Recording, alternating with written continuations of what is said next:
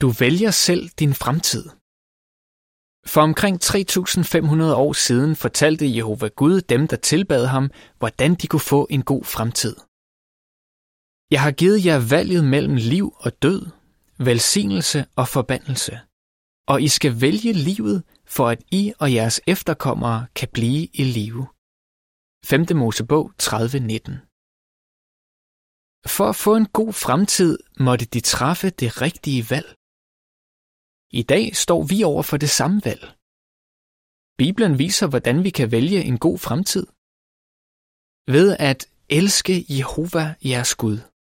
Ved at lytte til ham. 5. Mosebog 30.20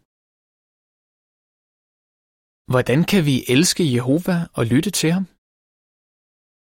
Undersøg Bibelen. For at elske Jehova må du først lære ham at kende ved at undersøge Bibelen. Når du gør det, vil du opdage, at han er en kærlig Gud, der ønsker det bedste for dig. Han opfordrer dig til at bede til ham, for han har omsorg for dig.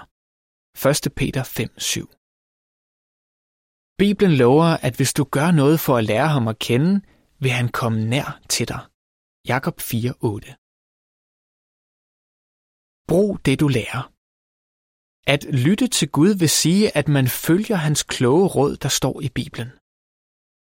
Når du gør det, vil det gå dig godt, og du vil handle klogt. Josva 1:8